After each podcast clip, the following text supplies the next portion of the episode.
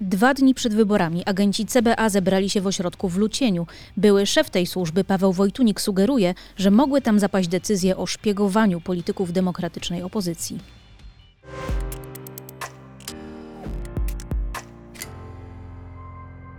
Dzień dobry, Anna Dryjańska na temat, a dziś w podcaście Polityka Wojciech Czuchnowski, dziennikarz Gazety Wyborczej, który dziś ujawnił, że szczególnym obiektem zainteresowania CBA ma być prezes PSL Władysław Kośniak-Kamysz. Dzień dobry. Dzień dobry. Wojtku, patrzę sobie na Twittera, na Xa teraz i zastępca koordynatora służb specjalnych, Stanisław Żaryn, no, mówi, że nazmyślałeś w tym swoim tekście, mówi tak, kolejne kłamstwo wyborczej, Sprawa prowadzona w czasach rządów PO-PSL nie została podjęta i nikt jej w CBA nie wykorzystywał jako pretekstu do inwigilacji opozycji. Stanowcze dementi. Powtarzam, żadna służba ani CBA, ani nikt inny nie inwigilowała opozycji, czyli zaprzecza wszystkiemu, co piszesz w swoim tekście. Czy ty zamierzasz przeprosić e, Żaryna, CBA, agentów? No oczywiście, że nie. No myślę, że, znaczy nie, no nie myślę tak. Nie, nie sądzę, żeby kiedyś pan Żaryn przeprosił za, za swoje kłamstwa z chyba prawie 8 lat urzędowania, no bo mm, cała ta jego praca polegała na, na roztaczaniu parasola ochronnego, na kryciu nadużyć służb specjalnych, a nawet na takich operacjach, że mm, kiedy na przykład Gazeta Wyborcza wysłała do y, pana Kamińskiego i pana Wąsika szereg pytań dotyczących jednej, ich udziału w jednej z afer, to pan Żaryn sprzedał te pytania do portalu w polityce.pl, gdzie kiedyś pracował, no po to, żeby troszeczkę y, rozbroić tą, tą bombę, która była szykowana. Y, także y, no oczywiście tutaj y, ja za nic nie przeproszę. Myślę, że pan, pan Żaryn też nie przeprosi, tylko każdy z nas z innego powodu. Pan Żaryn musiał być do tego zmuszony przez sąd, a ja nie przeproszę, dlatego że piszemy prawdę. Jeżeli pan Żaryn mówi, że służby PiSu nigdy nie, nie inwigilowały opozycji, no to przypomnijmy sobie chociażby świetnie udokumentowaną sprawę sprawę Pegasusa, prawda, gdzie zresztą też zarówno pan Żaryn, jak i jego przełożeni, politycy PiSu y, kłamali, kpili z całej sprawy, prokuratura umorzyła śledztwo i tak dalej. No więc no, powiedzmy, że y, y, kłamstwo y, jakby tkwi tutaj w takim DNA tego, tego, tej funkcji, którą, y, którą pan Żaryn, kłamstwo i dezinformacja tkwi w takim DNA tej funkcji, którą pan Y, Żaryn sprawuje i on się czuje w tym bezkarny, chociaż ja mu już kiedyś zagroziłem, mm, że y, pozwę go po prostu do sądu, jeżeli, jeżeli on wyjdzie, pójdzie troszkę dalej, a przy ostatnim moim tekście o, y, o raporcie Straży Granicznej na temat bariery na granicy, no to on już poszedł troszeczkę za daleko. Czyli co, będzie pozew?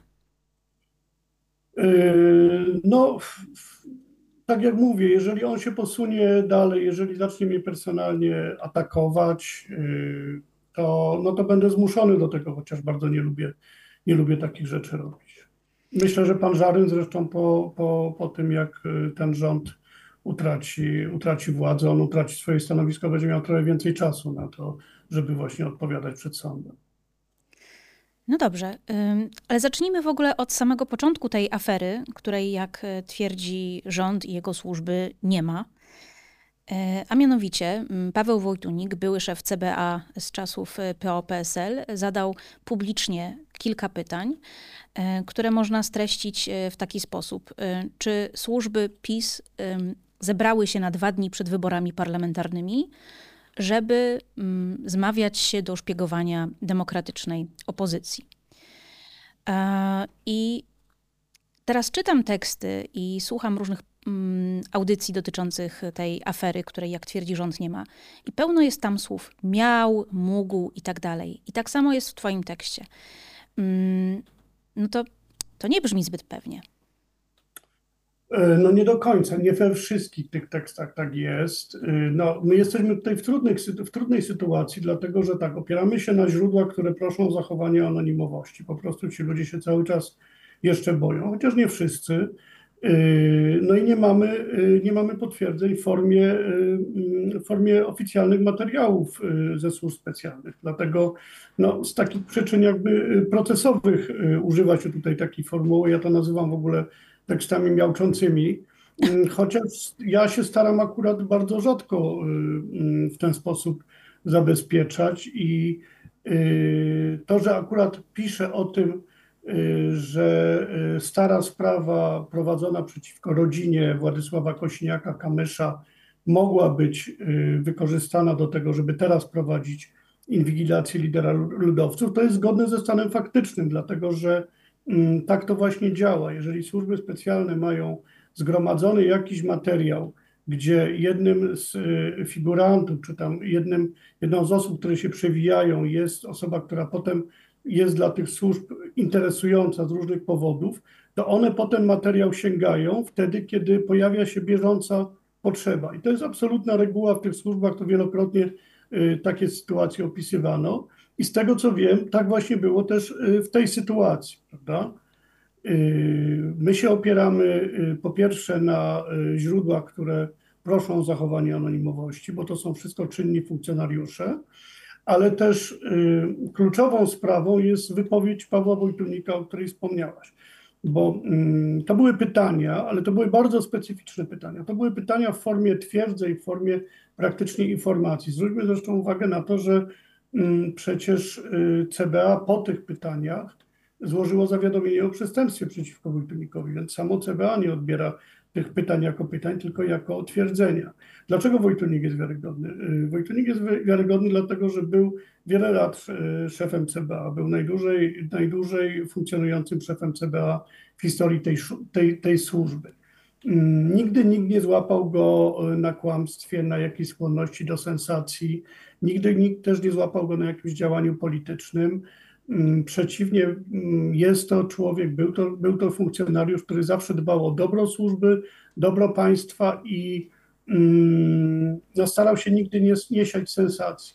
Y, jest to też funkcjonariusz, który w momencie, kiedy y, PiS odsunął go ze stanowiska y, na długo przed upływem kadencji, też nie podjął walki, chociaż mógł. Potem się okazało, że, że został odsunięty na podstawie fałszywych dowodów, fałszywych przesłanek tylko po prostu odszedł również dla dobra tej służby. Więc jeżeli teraz y, w sposób absolutnie przemyślany, bo on w rozmowie z Gazetą Wyborczą powiedział, że on to swoje wystąpienie przemyślał i dlatego właśnie wygłosił je publicznie w telewizji, jeżeli w sposób przemyślany mówi coś takiego, to znaczy, że ma bardzo poważne źródła i jest bardzo za, zaniepokojony zarówno o stan służb specjalnych, jak i o stan państwa polskiego, którego te służby powinny pilnować.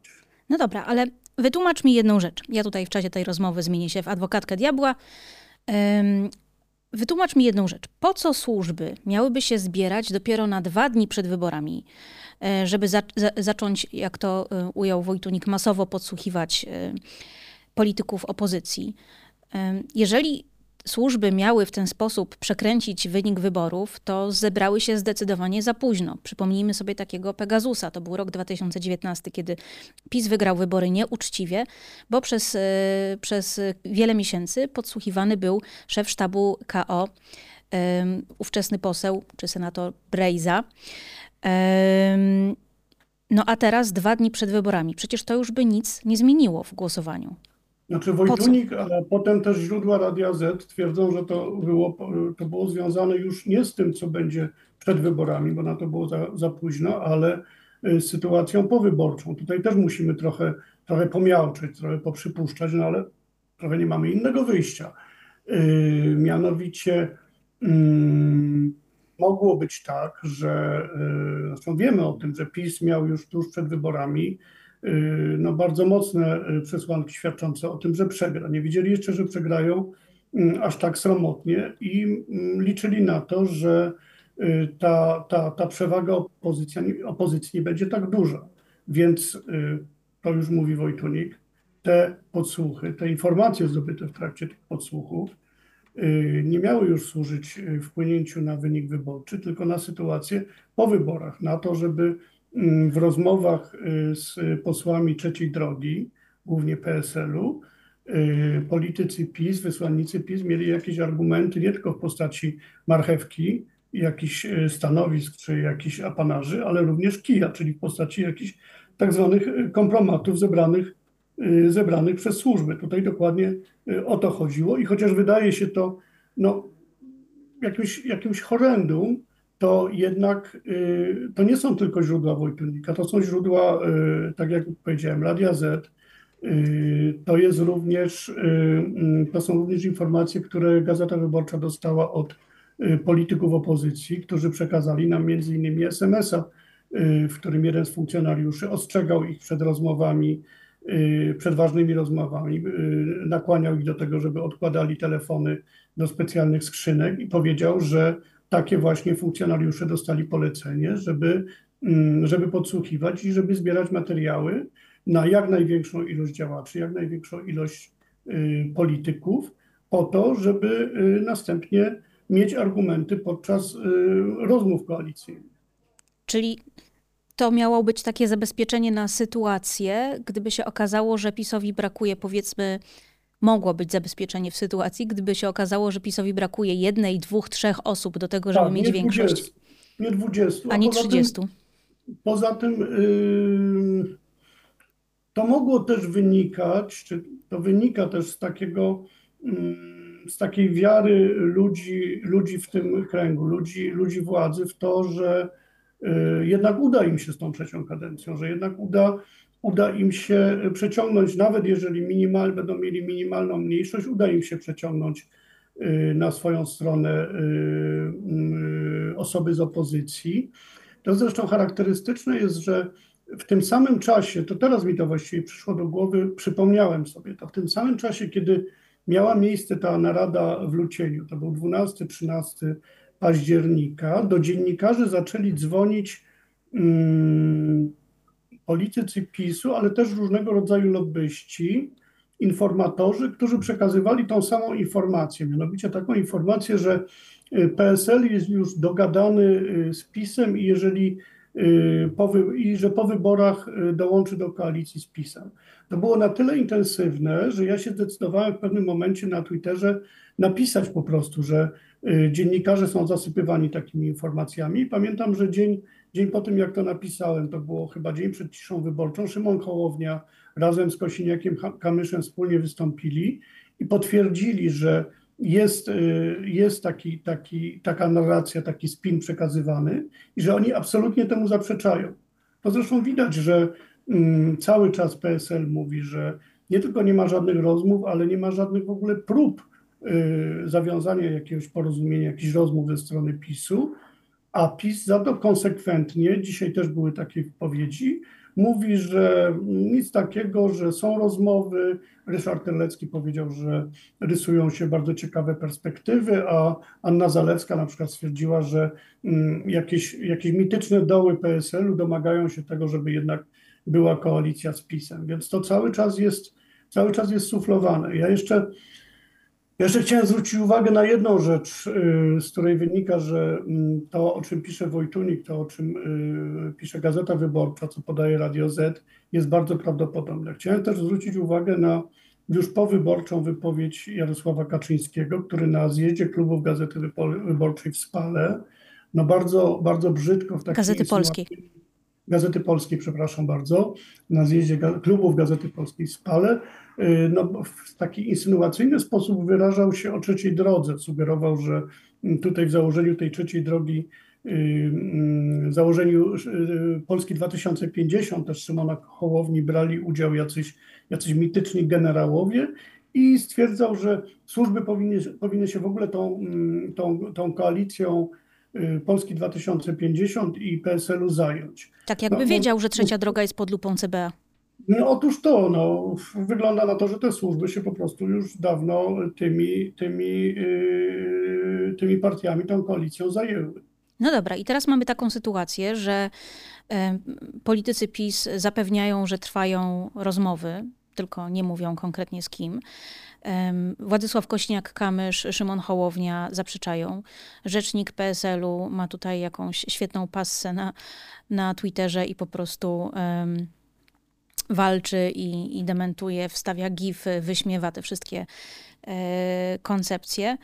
No i tak jak mówiłeś, to trzeba by było wyciągnąć kilkadziesiąt osób. Czy są na to szanse? W sensie, czy jeżeli CBA dobrało się do telefonów, komputerów, chmur danych polityków, wyciągnęli na przykład, nie wiem, ktoś zdradza żonę, ktoś ma nieślubne dziecko, czy oni mogą uzbierać z tego tyle haków, żeby te e, głosy zebrać? To znaczy tak, przede wszystkim mam wrażenie graniczące z pewnością, że niczego takiego nie wyciągnęli. Bo jeżeli by wyciągnęli, to um, pojawiłyby się też pewne sygnały, na przykład w mediach propisowskich. Yy, po drugie, uważam, że yy, sytuacja w Polsce teraz jest taka, że nawet jeżeli by mm, z jakimiś kompromatami yy, wysłannik obecnej, odchodzącej władzy udał się do któregoś z działaczy opozycji, mm, to, to byłoby z jego strony ogromne ryzyko, dlatego że wydaje mi się, że, że politycy opozycji chyba woleliby kompromitację y, niż, y, niż y, współpracę z, PiSą, z PiSem, która byłaby jeszcze większą kompromitacją. I wyobrażam sobie, że mm, taką sytuację, że jeżeli, jeżeli do któregoś z polityków opozycji przyszedłby ktoś rzeczywiście z takim, z takim szantażującym materiałem, no to mogłoby się to skończyć po prostu zawiadomieniem policji, że doszło tutaj do szantażu, a to już jest bardzo, bardzo poważne przestępstwo. Także mm, jestem prawie pewny, że niczego poważnego nie znaleziono, y, a nawet jeżeli coś znaleziono, to nie jest na tyle poważne, żeby podejmować ryzyko narażania się, mówię tutaj o PiSie, narażania się na zarzut no, bardzo poważne, popełnienia bardzo poważnego przestępstwa.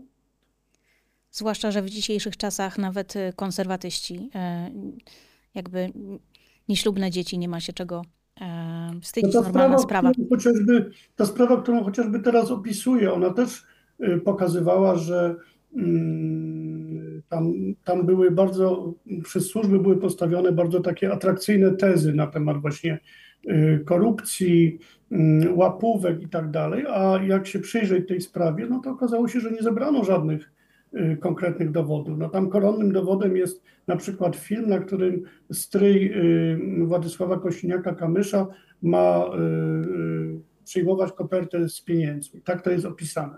Tymczasem mamy zdjęcia z tego filmu i one są publikowane na stronie wyborcza.pl. Tymczasem tam z odległości kilkunastu metrów widać, jak pan w marynarce i w koszuli w recepcji hotelu Victoria, filmowany z dosyć dużej odległości, no odbiera coś, odbiera coś z recepcji. No, no nie ma żadnego dowodu na to. Nawet nie widać, czy to koperta. Nawet nie widać, czy to koperta, czy są tam pieniądze i tak dalej. No, ja przepraszam, ale na takiej podstawie nie można robić. Mm, to nawet, nawet nie jest, y, to nawet nie jest cień, cień przesłanki, że nie mówiąc już w ogóle o dowodach, więc nic dziwnego, że z tą sprawą nic, y, nic nie zrobiono, że ta operacja po prostu nie wyszła, jeżeli bazowano na tego typu dowodach. Natomiast w samych materiałach operacyjnych jest cała masa pomówień i cała masa nieprawdziwych twierdzeń, które potem nie znalazły żadnego potwierdzenia. Może wróćmy do roku 2006, kiedy powstawało CBA. Po co w ogóle ta służba powstała? Jaki był taki teoretyczny e, cel jej działalności? Co było takim ideałem? Co CBA miało robić? Właściwie od początku CBA nie ukrywało tego, że y, Mariusz Kamiński, który wtedy był, był tą twarzą CBA, był, jej, był, jego, był jego założycielem i pierwszym szefem, mm, on nie ukrywał y, za bardzo celu. Ja pamiętam jedną z pierwszych, a może nawet pierwszą konferencję, zanim jeszcze oficjalnie powstało CBA, gdzie mm, Mariusz Kamiński ostrzegał y, oligarchów III Rzeczpospolitej, że no skończył się dla nich okres ochronny. Chyba wymienił nawet jakieś, jakieś nazwiska. Mm, no i potem okazało się, że y, y, są ścigani ci, ci ludzie i te grupy zawodowe, które według y, PiSu i według Mariusza Kamińskiego były mm, największymi beneficjentami y, y, powiedzmy początków III Rzeczpospolitej i były najbardziej skorumpowane. I od samego początku działania biura były, mm, były ukierunkowane na to, żeby y, za wszelką cenę pewne tezy udowodnić. Nie wiem, czy, czy Państwo pamiętają, ale zaczęło się od lekarzy, prawda? I zaczęło się od słynnej akcji z, z kardiochirurgiem, doktorem doktorem Garlickim, którego zatrzymano, którego, na którego temat konferencję zrobił Mariusz Kamiński i Zbigniew Ziobra, Ziobro. Mówili, że ten pan nikogo więcej już nie zabije.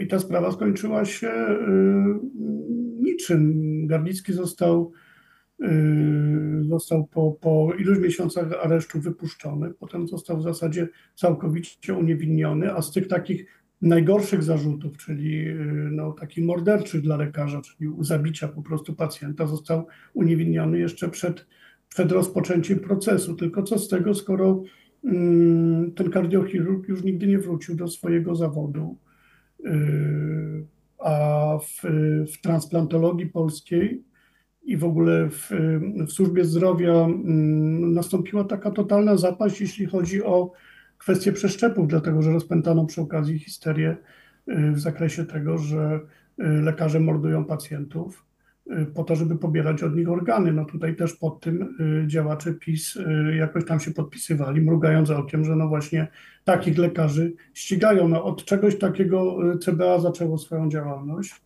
No a potem mieliśmy już nadchodzące wybory, no więc wzięli się za polityków i tutaj mieliśmy znowu sprawę posłanki y, Platformy Obywatelskiej Beaty Sawickiej, która została nagrana i, i zatrzymana tuż, na, nagrana, bo miała immunitet, nie mogła być zatrzymana, została nagrana i ujawniona jako skorumpowana tuż przed wyborami i Mariusz Kamiński wprost powiedział, że no pokazuje pokazuje właśnie korupcję po to, żeby ludzie wiedzieli, na kogo głosować. Niedawno TVN24 przypomniał, że równolegle ze sprawą Sawickiej trwała sprawa pisowskiego mm, ministra sportu y, pana Lipca, tylko że on nie został spektakularnie zatrzymany, a operację zakończono już po wyborach. No dobra, i bo przypomnijmy tutaj y, naszym y, widzom i słuchaczkom, że 2006 rok to była kadencja PiSu, to był pierwszy rząd PiS, to 2005, rządy PiSu, 2007. 2007 do władzy koalicji PiS, LPR i Samoobrona. No i tutaj też można powiedzieć, że CBA się przyczyniło do upadku tej koalicji, dlatego że. Przypadkiem. Mm, no też jakby chcąc, chcąc wzmocnić władzę PiSu, czyli chcąc obalić jednego z ko koalicjantów Andrzeja Lepera, szefa samoobrony, przeprowadzono przeciwko niemu operację specjalną i na podstawie sfałszowanych dowodów usiłowano, usiłowano go umoczyć w korupcję. Cała ta operacja nie wyszła, no i w tym momencie rozpadła się koalicja, ponieważ no, plan plan PiSu, właściwie podobny do tego planu, który mamy teraz, bo też plan PiSu był taki, że mm, zatrzymają Lepera, a jego posłów przeciągną na swoją stronę za pomocą szantażu i zastraszania. I ten plan się nie powiódł i ten rząd wtedy upadł. No dobrze, tylko 2007 rok. Y, wybory wygrywa jednak Platforma Obywatelska. Na czele rządu stoje, staje Donald Tusk. Dlaczego on tego CBA nie zlikwidował, skoro tak jak mówisz, od początku była to agencja polityczna, agencja pisowska, która miała y, grać na to, żeby zapewniać władzę partii Jarosława Kaczyńskiego?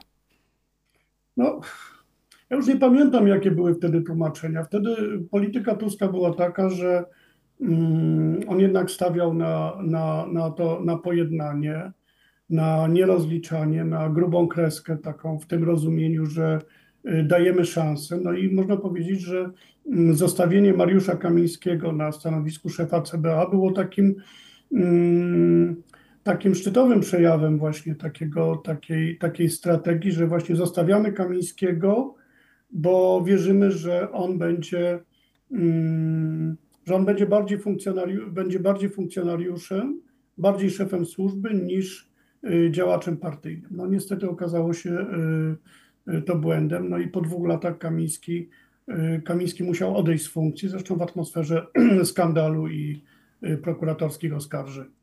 No ale potem w 2015 roku PiS wygrał wybory, więc Kamiński wrócił dzięki no, e, nielegalnemu taki... ułaskawieniu po skazaniu w pierwszej instancji za przekroczenie no, ale jeszcze bardzo ważne rzeczy działy się w międzyczasie i to jest, to jest niezwykle istotne, że te, te słynne, słynne 8 lat rządów PO-PSL to nie były lata, kiedy Mariusz Kamiński i Maciej Wąsik siedzieli bezczynnie, tylko oni tworzyli mm, powiedzmy taki gabinet cieni służb specjalnych, które potem przejęli w 2015 roku.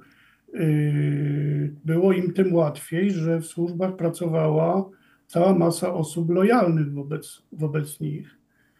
I wobec partii. I po prostu, wobec partii i po prostu przekazywali informacje, no, czego wynikiem była między innymi słynna afera, mm, afera podsłuchowa, gdzie no, zarówno teksty Gazety Wyborczej, jak potem teksty mm, Grzegorza Rzeczkowskiego w polityce i w Newsweeku udowodniły, że tutaj ten udział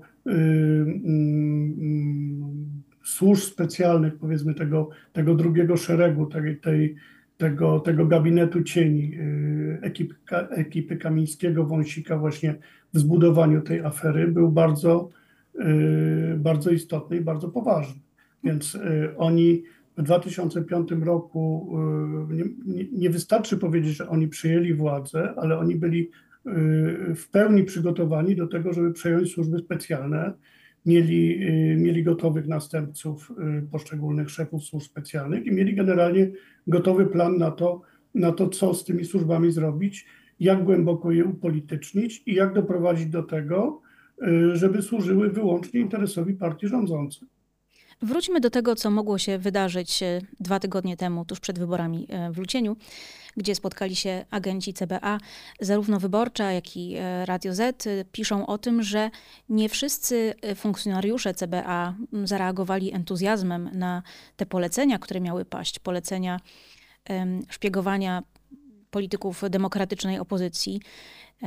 Jedni poszli na zwolnienie lekarskie, inni jakieś inne metody obstrukcji zastosowali. No, no ale część właśnie, też... metody, metody obstrukcji to jest, to jest dobrze powiedziane, dlatego że y, w takiej sytuacji mm, w służbach specjalnych, w policji właśnie stosuje się taki rodzaj jakiegoś, y, y, znaczy przyjmuje się niby polecenie, ale tak naprawdę się go nie wykonuje no bo mnoży się różne, różne trudności, no albo stosuje się tak zwany strajk włoski, czyli mm, no, opóźnia się jak tylko się da y, tego typu działania. Jestem ciekaw, y, w ilu przypadkach udało się rzeczywiście, w ilu, ilu funkcjonariuszy uwierzyło w to zapewnienie, które, które dostali, czy powiedzmy mieli dostać o tym, że, że będą tutaj bezkarni, że będą mieli jakiś immunitet, dlatego że jeżeli przełożeni ich o tym zapewniali, no to każdy rozsądny człowiek wie, że no tutaj ci przełożeni nie mieli żadnych podstaw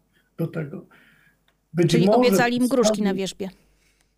Tak, chociaż teraz przychodzi mi do głowy, że mm, mm, bezkarność w ogóle jest takim wspólnym mianownikiem y, łączącym y, przeszłe rządy PiS i y, kończące się te rządy, pierwsze rządy PiS i i te rządy PiS, które się kończą, oni dalej liczą na bezkarność, dlatego że są nauczeni tej bezkarności. Są nauczeni tego, że nic ich nie spotkało załamanie prawa e, w czasach pierwszego rządu PiS. Nawet jeżeli zostali skazani w pierwszej instancji, to prezydent Duda ich, ich uniewinnił. Nielegalnie ułaskawił no, przed ostatecznym wyrokiem. E, ułaskawił, tak, ułaskawił. A więc e, oni chyba są rzeczywiście pewni, że nie, nie spotkają ich żadne konsekwencje. No tak jak żadne konsekwencje nie spotkały Antoniego Macierewicza. Mm, no i trudno właściwie nawet obwiniać tych ludzi za, za to, że oni są o tym przeświadczeni, bo faktycznie. Mm, raz się udało. No, wiele Więcej razy się raz. udało. Ja, ja, nie pamiętam, żeby ktokolwiek w Polsce z y, szefów służb specjalnych, poza jednym przypadkiem, zupełnie takim mm, bocznym, był przypadek Zbigniewa Siemiątkowskiego, który zresztą potem chyba w kolejnych instancjach też y, sprawa została umorzona, no, który został, został, został skazany za um, pewne nadużycia, których, których dokonał w służbach specjalnych, to generalnie to jest jeden przypadek na, na chyba 20 lat.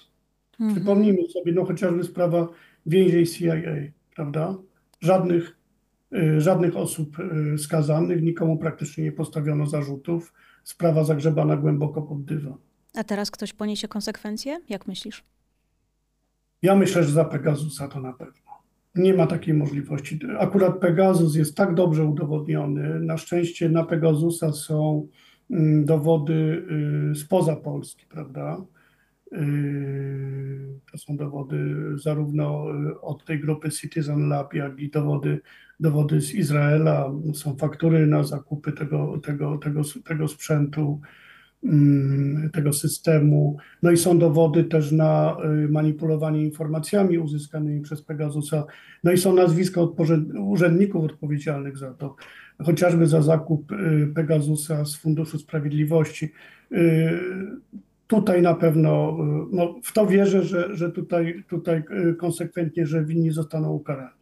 No dobrze, i teraz co dalej z CBA? Dlatego, że politycy PiS już mówią, że o, chcecie rozwiązać CBA, to do polityków opozycji, to dlatego, że chcecie brać łapówki bezkarnie. E, politycy opozycji, jeszcze opozycji, mówią o tym, że chcą tę służbę rozwiązać. No ale tak jak mówiliśmy, nie wszyscy agenci CBA chcieli brać w tym udział. E, co Twoim zdaniem powinno się stać e, z CBA? Czy to jest służba, którą ja jeszcze można uratować?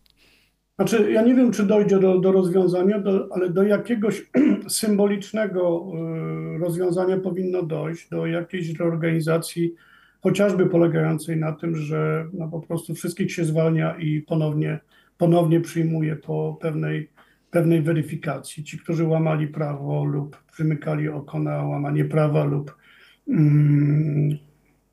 brali udział w, w operacjach stricte politycznych, no to po prostu muszą się pożegnać z służbą. Oczywiście walka z korupcją będzie.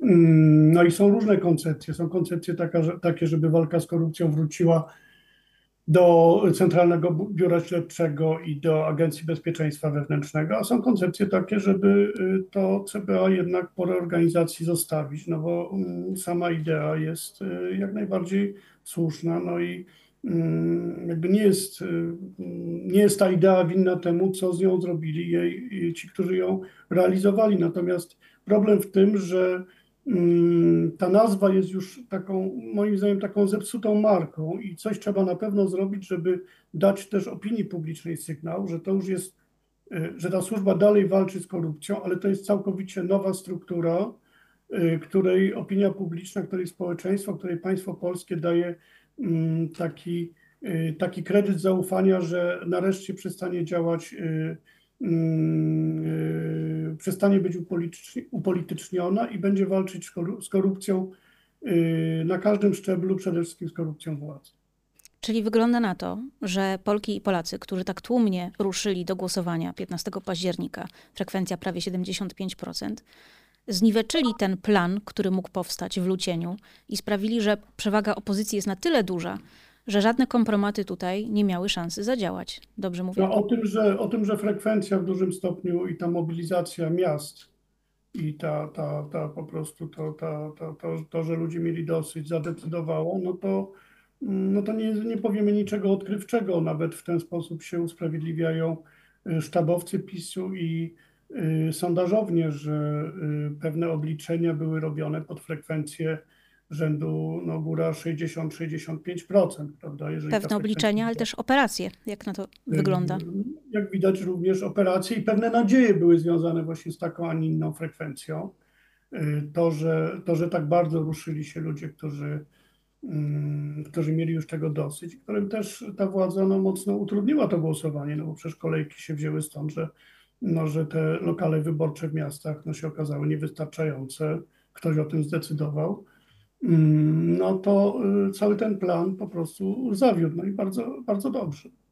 Dziękuję serdecznie. To był Wojciech Czuchnowski, dziennikarz śledczy Gazety Wyborczej. Dziękuję Ci Wojtku. Z Państwem żegna się Anna Dryjańska. To był podcast Polityka na temat. Do zobaczenia, do usłyszenia w następnym odcinku.